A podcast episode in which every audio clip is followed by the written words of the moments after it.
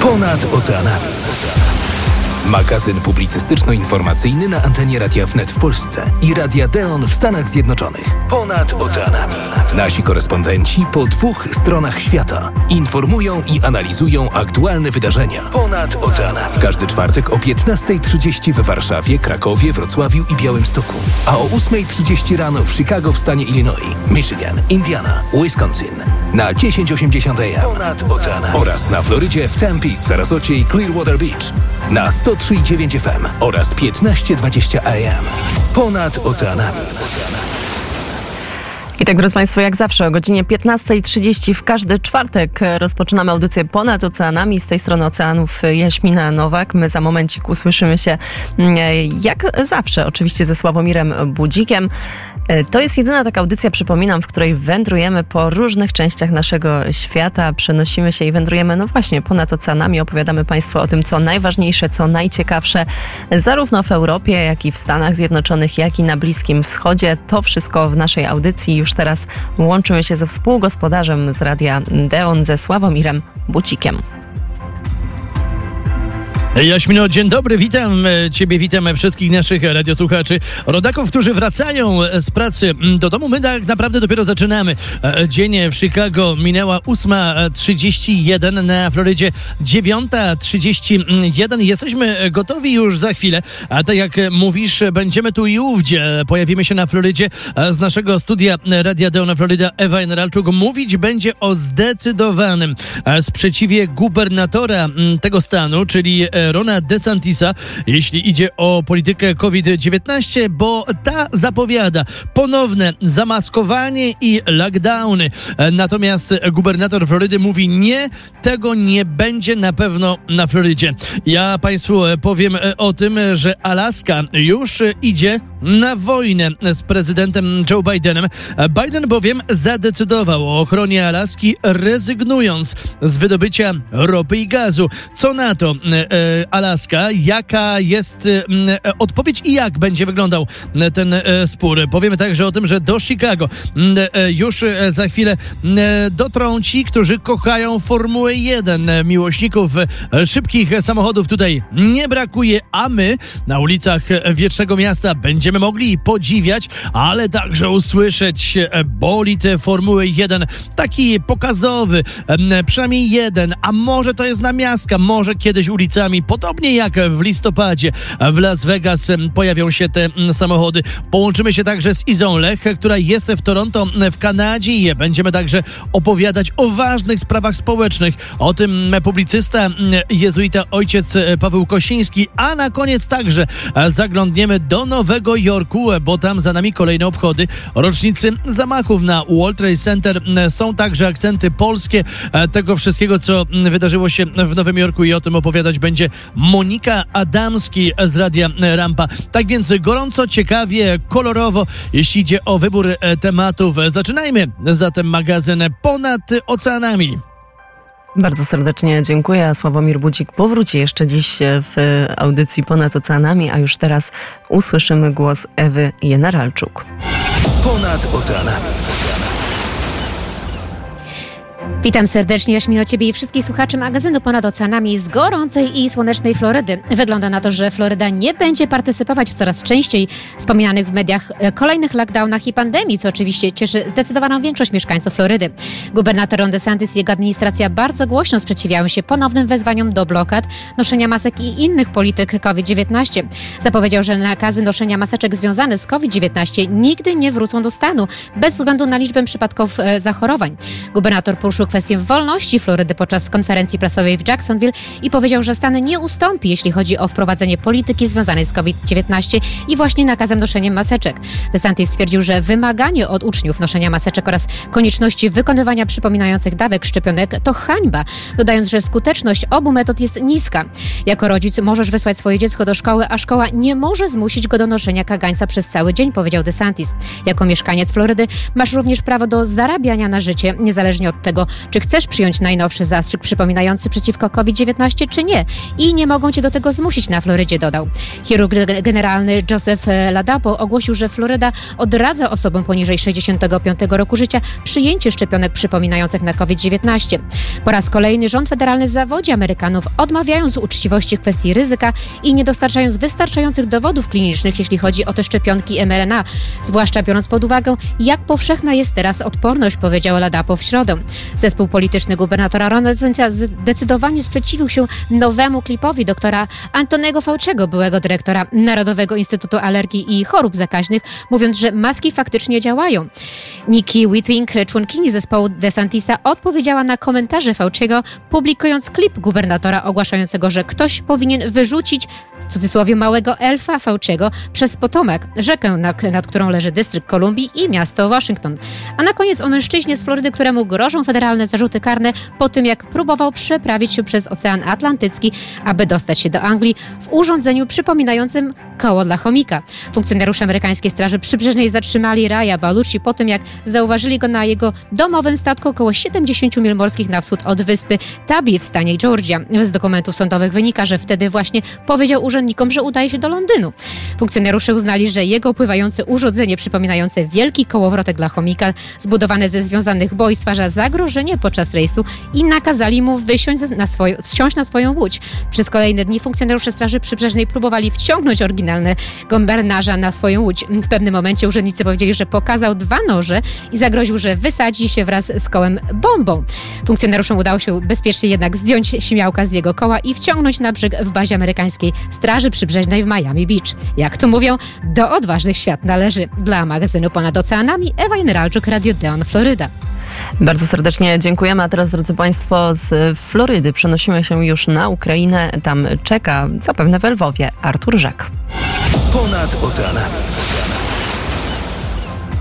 Dzień dobry Jaśmino, witam wszystkich ciepło z miasta Semper Fidelis, czyli z Lwowa. Głównym tematem ukraińskiej przestrzeni informacyjnej jest wojna, wojna i jeszcze raz wojna i trudno temu się dziwić. Front rozciąga się na ponad 1300 kilometrach. Ukraińcy metr po metrze rozszerzają worek natarcia na kierunku melitopolskim, bronią się zaciekle na kierunku kupiańskim, na innych kierunkach odnotowują drobne sukcesy. Dlatego ja też zaczynam militarnie, a mianowicie od tego, że Ukraina niemal codziennie odnosi sukcesy sukcesy, ale wrażeniu rosyjskich celów wojskowych na głębokich tyłach. Myślę tutaj o dwóch uderzeniach, które miały miejsce w przeciągu ostatniej doby. Wczoraj w nocy w wyniku kombinowanego ataku przy użyciu bezzałogowych statków powietrznych, bezzałogowych statków wodnych i pocisków rakietowych została trafiona stocznia w okupowanym Sewastopolu na okupowanym ukraińskim Krymie. W wyniku ostrzału co najmniej dwa okręty Federacji Rosyjskiej doznały znacznych uszkodzeń. Myślę tutaj między innymi o dużym desantowym e, do,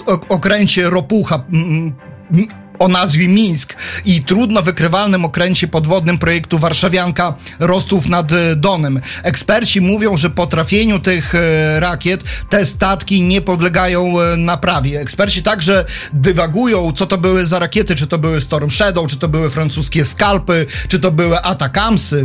O tym mówią nawet Rosjanie. Atakamsów, czy też Atakamsów Ukraina od Stanów Zjednoczonych jeszcze nie otrzymała. Ukraińcy twierdzą, że to były ukraińskie rakiety Neptun. A dzisiaj w nocy został atakowany również Krym. E, w okolicach Eupatorii zniszczono system S-400 Triumph. To jest jeden z najnowocześniejszych systemów przeciwlotniczych e, obrony powietrznej e, rosyjskiej. Został całkowicie zlikwidowany. Także w wyniku ukraińskiego kombinowanego uderzenia ten system jest wart według szacunków na rynku międzynarodowym około 1,2 miliarda dolarów. Są liczne zdjęcia w sieci potwierdzające czy też ten pierwszy, czy też ten e, drugi atak, a Rosjanie twierdzą, że jest to podobne do wojny krymskiej roku 1854 roku. I żeby nie było tak bardzo militarnie, to chciałbym tylko dodać, że lwowiacy w sobotę 9 dołączyli się do 12 edycji Narodowego Czytania nad Dniem Elizy Orzeszkowej, czytali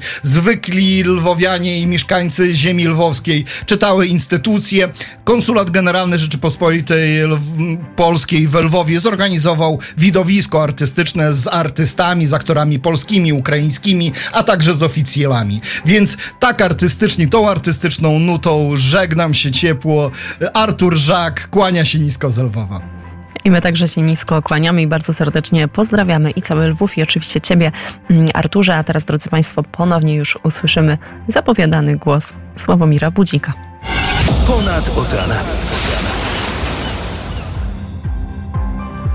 Jaśmino, a u nas e, oczywiście mnóstwo e, spraw. Trudno powiedzieć, co jest ważniejsze. E, głośno robi się o impeachmencie, natomiast e, coraz mniej e, o tym, jak wygląda konflikt między Alaską a e, rządem federalnym. O co idzie?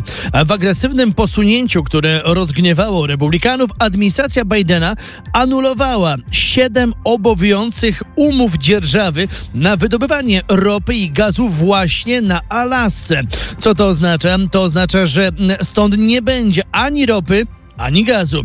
Jednocześnie rząd em, Joe Bidena zaproponował silniejszą ochronę przed zabudową rozległych e, obszarów parku, e, skąd wydobywane były do tej pory i gaz, i ropa. E, No i jest konflikt. Donald Trump naznaczył zupełnie inną politykę. Joe Biden zupełnie przeciwstawną, dosłownie biegunową. Dlatego teraz Alaska nie będzie prawdopodobnie czerpać zysków, jeśli idzie o ropę i gaz. No i niewykluczone, że to wszystko skończy się batalią e, w sądzie. Już teraz gubernator mm, e, Alaski e, zapowiada, że będzie walczył do samego mm, końca.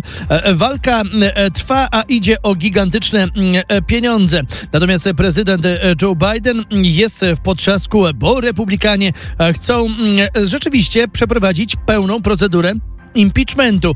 I to nie jest tylko i wyłącznie, e, e, to nie są strachy na lachy. Już rozpoczęto e, pierwszy etap wstępny, jeśli idzie o impeachment, natomiast prezydent Joe Biden zdecydowanie odcina się od argumentów, które wysuwają republikanie i mówią, mówi, że w gruncie rzeczy to republikanie chcą zamknąć rząd, dlatego chcą teraz rozpocząć procedurę impeachmentu. Czy w ogóle do niej dojdzie? Nie wiadomo. Na razie pierwszy e, etap, ale proszę pamiętać, idą wybory. Dlatego procedura impeachmentu także może być elementem całej e, kampanii m, wyborczej. Natomiast miasto Chicago póki co e, ma za sobą wyścigi NASCAR, czyli też bardzo szybkich samochodów. Natomiast niewykluczone, że kiedyś w przyszłości pojawią się tutaj bolidy Formuły 1. Póki co na koniec tego miesiąca jeden bolid przyjedzie e, i e, jest już trasa wyznaczona wokół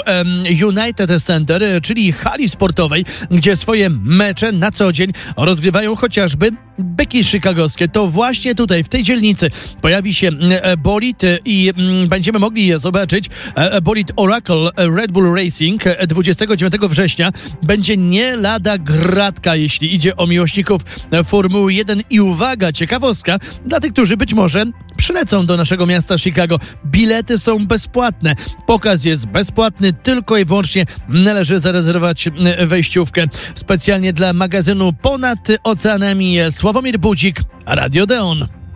Dziękujemy Sławku. 15.43 tutaj na zegarach w Polsce, a teraz już przenosimy się prosto do Londynu. Tam czekają już gospodarze studia Londyn, Iza Smolarek i Aleks Sławiński.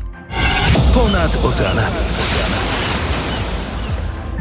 Dzień dobry Jaśmino, dzień dobry Sławku. Witamy wszystkich e, słuchaczy po obu stronach oceanu. No i u nas e, nadal gorąco, gorąco jeżeli chodzi o politykę, gorąco jeżeli chodzi o strajki i gorąco też w sprawach kryminalnych. No tak, może być nawet bardzo wystrzałowo. Okazuje się, że w e, naszym Zjednoczonym Królestwie mamy coraz więcej strajków. Strajkowali już nauczyciele, strajkowali lekarze, strajkuje cały czas transport od 20 lat, od kiedy pamiętam, ale okazuje się, że również i zbrojeniówka brytyjska zaczyna strajkować. Okazuje się, że materiały wybuchowe i pociski, które są budowane między innymi dla Ukrainy, no mogą mieć mały problem z e, dostarczeniem e, do Ukrainy albo również i do innych e, klientów, albowiem właśnie zaczyna nam strajkować tutaj brytyjska zbrojeniówka. Chodzi o co, no jak zawsze wiadomo, o pieniądze. Dwie grupy zawodowe ścierają się tutaj ze sobą. Jedna otrzymuje całkiem konkretne pieniądze za swoją pracę, zaś druga właśnie, która montuje broń i amunicję, okazuje się zarabia e, rocznie 18 tysięcy mniej niż ich koledzy i o to poszedł spór, więc już wkrótce będziemy mieli kolejny strajk. Do tej pory były pojedyncze strajki jednodniowe, teraz będziemy mieli całe dwa tygodnie strajku. Zobaczymy, jaki to będzie miało wpływ na dostarczenie amunicji i broni na Ukrainę. Brytyjskie Ministerstwo Obrony zapewnia jednak, że ten dwutygodniowy strajk nie wpłynie na dostawy broni do Kijowa. Tymczasem od kilku dni na czołówkach brytyjskich e, mediów pojawiają się informacje na temat dziesięcioletniej Sary. Dziewczynkę znaleziono martwą w domu w jednej z podlądyńskich miejscowości. Sara była córką Polki oraz Pakistańczyka. Kiedy jej rodzice rozstali się, sąd przyznał opiekę nad nią oraz jej bratem i jego, jej ojcu. E, Sara mieszkała razem z nim, z jego um, bratem oraz z macochą i pięciorgiem rodzeństwa. Wciąż nieznane są okoliczności jej śmierci. Podejrzewa się um, o to jej najbliższych. E, dzień przed znalezieniem jej ciała przez policję cała rodzina uciekła bowiem do Pakistanu. Wielka Brytania nie ma podpisanej umowy ekstradycyjnej z tym krajem. To też akcja policji brytyjskiej była niezwykle trudna. Udało się namierzyć podejrzanych, aresztowano 10 osób z bliskiej rodziny ojca Sary. Jego dzieci natomiast umieszczono w domu dziecka i rozpoczęto negocjacje. Skutkiem tych negocjacji był fakt, że dzisiaj właśnie na lotnisku w Gatwick pod Londynem podejrzani o o to morderstwo wylądowali, policja ich aresztowała i okazuje się, że e, sąsiedzi mówią o tym, że Sara była od pewnego czasu ofiarą przemocy domowej, także wiele wskazuje na to, że winni właśnie zostali aresztowani. No tak, ale skoro mówiliśmy już o dymkach, o dymach i e, wybuchach, okazuje się, że w Wielkiej Brytanii e, papierosy elektroniczne są jednym z największych źródeł śmieciowania plastikowego. E, okazuje się, że zaledwie 18-17% papierosów elektronicznych jest recyklowana, cała reszta, a to są miliony papierosów, niestety ląduje w śmietnisku. Kiedy my nie możemy używać zwykłych słomek plastikowych, okazuje się, że tony, setki ton właśnie papierosów elektronicznych lądują po prostu na wysypiskach w Wielkiej Brytanii. Specjalnie dla magazynu Ponad Oceanami z pozdrowieniami z Londynu Iza Smolarek oraz Aleks Szowiński. Do Dziękujemy usłyszenia. bardzo. I my także dziękujemy i tylko przypominam, że wszystkie audycje gospodarzy studia Londyn są także do znalezienia na naszym portalu www.wnet.fm. Ja teraz uśmiecham się do realizatora Mikołaja Poruszaka i zastanawiam się, kto następny jest w kolejce. I wiadomo, kto jest w kolejce. Jest oczywiście Iza Lech. Ponad oceanami. Witam serdecznie słuchaczy i redakcję magazynu Ponad Oceanami. Lato w końcówce. Natura zaczyna nas obdarzać pięknymi kolorami, a wiadomości z Kanady nadal w letniej temperaturze, czyli bardzo, bardzo gorące. I tak, premier Kanady Justin Trudeau opuścił Indię po problemie z jego samolotem, który przedłużył wizytę testową w stolicy Indii o całe dwa dni. Miał wylecieć w niedzielę wieczorem, tuż po szczycie G20. Ale tuż po zakończeniu tego szczytu unieruchomiła go żenująca mechaniczna przeszkoda. Bardzo szybko przeciwnicy premiera w jego własnym kraju i indyjscy użytkownicy mediów społecznościowych wyśmiewali go z powodu opóźnienia, które nastąpiło po bardzo napiętym spotkaniu Trudeau z premierem Indii Narendra Modim. W ostatnich miesiącach stosunki kanadyjsko-indyjskie stały się coraz bardziej napięte, a we wtorkowym oświadczeniu India Today poinformowano, że wizyta Trudeau nie przyczyniła się w żadnym stopniu do naprawienia już bardzo napiętych więzi, które teraz go łączą z Indiami. Na kilka dni przed wylotem do Delhi Trudeau nieoczekiwanie również powiedział, że Kanada wstrzymuje rozmowy w sprawie traktatu handlowego między obydwoma krajami. Sytuacja robi się bardzo nieciekawa. A być może całą tę sytuację zaognia też fakt, że to właśnie z Indii do Kanady przybywa najwięcej imigrantów, najwięcej studentów studiuje na naszych uczelniach właśnie z Indii. A ponieważ Kanada w dalszym ciągu zmaga się z kryzysem mieszkaniowym, coraz częściej słychać głosy sprzeciwu przeciwko studentom zagranicznym przybywającym do naszego kraju. Jednak wiele prowincji wycofuje się z sugestii federalnych, że międzynarodowy limit liczby studentów mógłby pomóc w rozwiązaniu problemu mieszkaniowego. Według doniesień ze stolicy także możliwość jest bardzo poważnie brana pod uwagę przez rząd kanadyjski. A co jeszcze rozważa rząd Kanady? Otóż maski. Mieszkańcy tego kraju usłyszeli pytanie, czy są gotowi, aby ponownie zacząć nosić maski. Dyrektor do spraw zdrowia publicznego Kanady, dr Teresa Tam, tak na marginesie bardzo, bardzo nielubiona tutaj, uważa, że tak. I jak przewidują wszelkie prognozy, obowiązek maskowania zostanie wprowadzany w Kanadzie jeszcze przed zimą. A gdy dodamy do tego fakt, że czynsz w tym kraju rośnie o ponad 100 dolarów miesięcznie, doprowadzając do tego, że za jedno sypialniowe mieszkanie płaci się już prawie 3000 dolarów na miesiąc, to wychodzi na to, że nie Afryka dzika, ale właśnie Kanada. Dla magazynu Ponad Oceanami z całkowicie dzikiej Kanady Iza Lech, Radio Deon. Bardzo serdecznie dziękuję za jak zawsze ciekawą korespondencję Izy, a my już teraz, drodzy Państwo, łączymy się z ojcem Pawłem Kosińskim. Ponad oceanami. No i witam, witam. Witam, witam bardzo serdecznie wszystkich naszych słuchaczy. Dzisiaj chcę powiedzieć o takiej sprawie, która dotyczy właśnie naszej poprawności politycznej, często w różnych dziedzinach e, naszego życia. Jak bardzo mocno e, presja wygląda, e, jak bardzo mocno presja jest wywierana na to, żeby na przykład o sprawach religijnych w przestrzeni publicznej w ogóle nie mówić. A mówimy o tym na podstawie niedawno zakończonego US Open, który wygrała 19-letnia Coco Gauff i ona zdobyła po raz pierwszy tytuł wielkoszlemowy w tych tenisowych mistrzostwach USA e, w sobotę upadła na kolana, położyła łokcie na ławce, zacisnęła dłonie i złożyła je do, przyłożyła je do czoła z zamkniętymi oczyma. Dla wielu widzów było jasne, że pierwsza amerykańska nastolatka, która wygrała turniej główny od czasu Sereny Williams w 1999 roku, przerwała świętowanie, aby pomodlić się do Boga. Dla wielu internatów to było oczywiście jasne, ale nie dla komentatorów ESPN Sport Center, którzy opisywali, że y, właśnie poświęciła chwilę, by zanurzyć się w tym wszystkim po zdobyciu swojego pierwszego tytułu Wielkiego Szlema. Otóż y, właśnie to y, niektórzy z komentatorów, zwłaszcza właśnie takich bardziej religijnych, mówią, nie, to nie jest prawda, że ona chłonęła wszystko w tym momencie. Ona się po prostu modliła. W przeszłości bardzo otwarcie mówiła o swojej chrześcijańskiej wierze. Wydaje się dość oczywiste, co ona tutaj robi.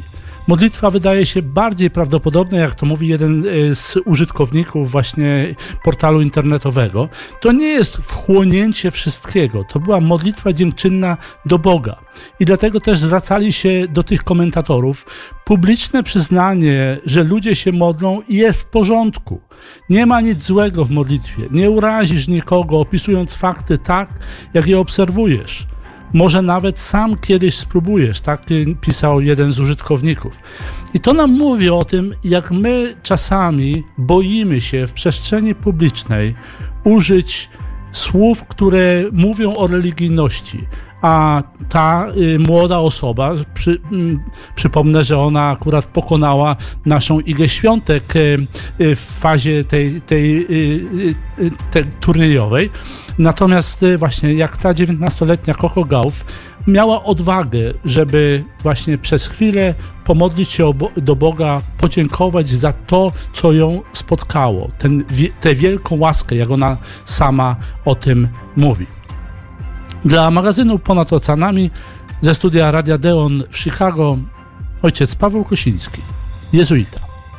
Bardzo serdecznie dziękuję. To jak zawsze ojciec Paweł Kosiński, a my teraz, drodzy Państwo, powoli udamy się już gdzieś w podróż po Ameryce Łacińskiej, Ameryce Południowej, bo tam czeka już po drugiej stronie gospodarz studia Tres por Tres, a także Republika Latina w Radiu Wnet. Ponad oceanami. Dzień dobry, mój buenas tardes. Zbigniew Dąbrowski, e, jak się pani zapowiedziała. E, proszę Państwa, kilka statystyk niestety dosyć przykrych z Meksyku. Okazuje się, proszę Państwa, że według organizacji pozarządowej World of Statistics 9 na 10 najbardziej niebezpiecznych miast świata znajduje się właśnie w tym pięknym północnoamerykańskim kraju. O tym warto wspomnieć, e, że są to miasta o największej liczbie zabójstw na 100 tysięcy mieszkańców. Przodują takie miasta jak Colima, Zamora, Ciudad Obregón, Zacatecas, Tijuana, Celaya, Uruapan, Juarez i Acapulco. I co ciekawe, proszę Państwa, to nie są duże miasta, to są miasteczka liczące sobie około 100-200 tysięcy mieszkańców. Chyba najbardziej znanym z nich jest miasto Acapulco, no i oczywiście e, miasto Tijuana. E, jest to bardzo smutna informacja, myślę, że dla nas wszystkich, bowiem e, są to miasta, które naprawdę warto odwiedzić. Również przykra informacja dla samych Meksykanów, dla rządu meksykańskiego prezydent kraju, Andrés Manuel López Obrador e, powiedział tak, że e, od początku jego rządów e, liczba zabójstw w Meksyku zmniejszyła się o około 17%, no i ma zamiar żeby kiedy, w momencie, kiedy zakończą się jego rządy, żeby ta liczba zmniejszyła się jeszcze bardziej do mniej więcej o około kolejnych 20%. Czy to będzie możliwe, czy nie? Trudno powiedzieć. Te wszystkie zabójstwa związane są przede wszystkim z przestępczością, przede wszystkim e, z handlem narkotykami, transportem narkotyka, e, narkotyków, e, walkami organizacji przestępczych, zajmujących się produkcją i przemytem narkotyków. E, tak czy inaczej, z pewnością nie są to wiadomości, którymi chciałbym się z Państwem, e, z którymi chciałbym się z Państwem e, tutaj podzielić, ale niestety wiadomości konieczne.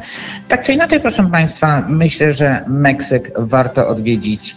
Dla magazynu Ponad Oceanami Zbyszek Dąbrowski. Bardzo dziękuję.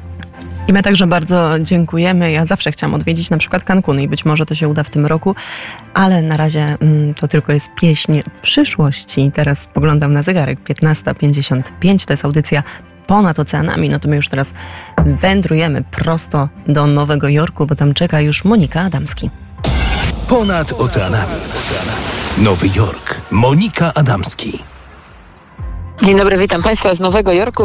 Nowojorczycy żyli oczywiście rocznicą zamachów e, terrorystycznych na World Trade Center. I ja jestem pewna, że Państwo wiecie wszystko o tych uroczystościach, które miały miejsce w Nowym Jorku, oczywiście na Dolnym Manhattanie. Ja chcę powiedzieć tylko o tym, że byłam tam osobiście, kiedy wszystko było przygotowywane. E, a dlaczego tam byłam wtedy? Dlatego, że akurat dzień przed rocznicą zamachów co roku jest taka tradycja, że konsul generalny RP w Nowym Jorku, tym razem Adrian Kubicki i e, ambasador e, Rzeczypospolitej Polskiej przy ONZ, Krzysztof Szczerski, składają wieńce przy drzewie, które nazywa się Survivor Tree. To jest drzewo, które zachowało się i ocalało ataki. Kiedy wszystkie wieżowce dookoła były zniszczone, to jedno drzewo przetrwało. Ono zostało później z powrotem wsadzone w tym miejscu, gdzie dzisiaj jest Memorial Plaza i zawsze mówią, że to drzewo kwitnie e, i jest zielone bardziej niż wszystkie drzewa dookoła. Pod tym drzewem zużyli oni wieńce e, w imieniu państwa polskiego, to jest ich tradycja. E, podkreślali to, że oddali tym tym samym hołd nie tym wszystkim, oczywiście wszystkim ofiarom e, tych e, ataków, ale też chcą przypomnieć światu o tym, że terroryzm wciąż może być zagrożeniem. Musimy cały czas o tym pamiętać. Wspominano również w sposób szczególny Polaków pod World Trade Center i y, mówi się oficjalnie, że ośmiu Polaków zginęło w tych zamachach, chociaż osób, y, które były polskiego pochodzenia, było więcej. O tym mówił również konsul generalny w Nowym Jorku. I chcę powiedzieć o jeszcze jednej ciekawostce z tym związanej. Otóż ja nie myślę, że to jest powszechna wiedza, dlatego o tym powiem że drodzy Państwo, y, wciąż jeszcze prawie tysiąc szczątków, y, a właściwie szczątki prawie tysiąca osób nie zostały jeszcze zidentyfikowane e, z zamachu World Trade Center. Dlaczego o tym mówię? Dlatego, że krótko przed tą rocznicą władze podały, że udało się zidentyfikować szczątki kolejnych dwóch osób, kobiety i mężczyzny e, i tym samym to jest 1649 osób, które udało się zidentyfikować, ale jeszcze 1000 osób pozostaje do zidentyfikowania. E, coraz bardziej nowoczesna technologia pozwala, że jest coraz większa szansa na to, że te szczątki uda się zidentyfikować, ale ja myślę, że to, o czym nie myślimy na co dzień, że jeszcze jest taki przypadek, że ludzie, którzy wiemy, że tam zginęli, tak naprawdę nie zostali nigdy odnalezieni, nigdy rodziny nie dostały tego tak zwanego closure, czyli takiego zamknięcia po tych atakach. Chcę, żebyśmy o tym pamiętali, żebyśmy byli tego też świadomi. No i tym żyjemy w Nowym Jorku. Szykujemy się poza tym do wizyty prezydenta Polski Andrzeja Dudy. Ta wizyta rozpocznie się w niedzielę spotkaniem z Polonią w Nowym Jorku. Będę Państwa informować o tym już na pewno za tydzień. Dla magazynu Ponad Oceanami Monika Adamski, Radio Rampa, Nowy Jork. Proszę. I to Monika Adamski prosto z Nowego Jorku, a teraz na zakończenie łączymy się ze Sławomirem Bucikiem. Jaśmino, dziękuję serdecznie. Na dzisiaj rzeczywiście to już jest e, wszystko. E, u nas na szczęście po gigantycznych upałach, e, które nawiedziły we wrześniu e, Chicago i okolice, mamy spokojną, piękną jesień. Wciąż jeszcze liście są zielone. Wiem, że w Polsce także jest ciepło i tym ciepłym akcentem chicagowskim, ale także i floryckim. Na Florydzie wciąż gorąco i upał. Żegnamy Państwa, żegnamy mówiąc do usłyszenia. Z naszej strony mm, to już wszystko, a magazyn e, od strony technicznej e, zrealizował Paweł Maciej. Dobrego popołudnia w Polsce życzymy i do usłyszenia za tydzień w kolejnym wydaniu magazynu Ponad Oceanami. Bardzo serdecznie dziękuję. Dziękuję także Andrzejowi Karasiowi, który wydał magazyn z tej strony oceanów. Mikołaj e, Poruszek zrealizował za kilka chwil. To już tutaj wiadomości na antenie Radia Wnet, a skoro wiadomości, to czas na Adriana Grałka. Ponad oceanami. Nasi korespondenci po dwóch stronach świata informują i analizują aktualne wydarzenia. Ponad oceanami.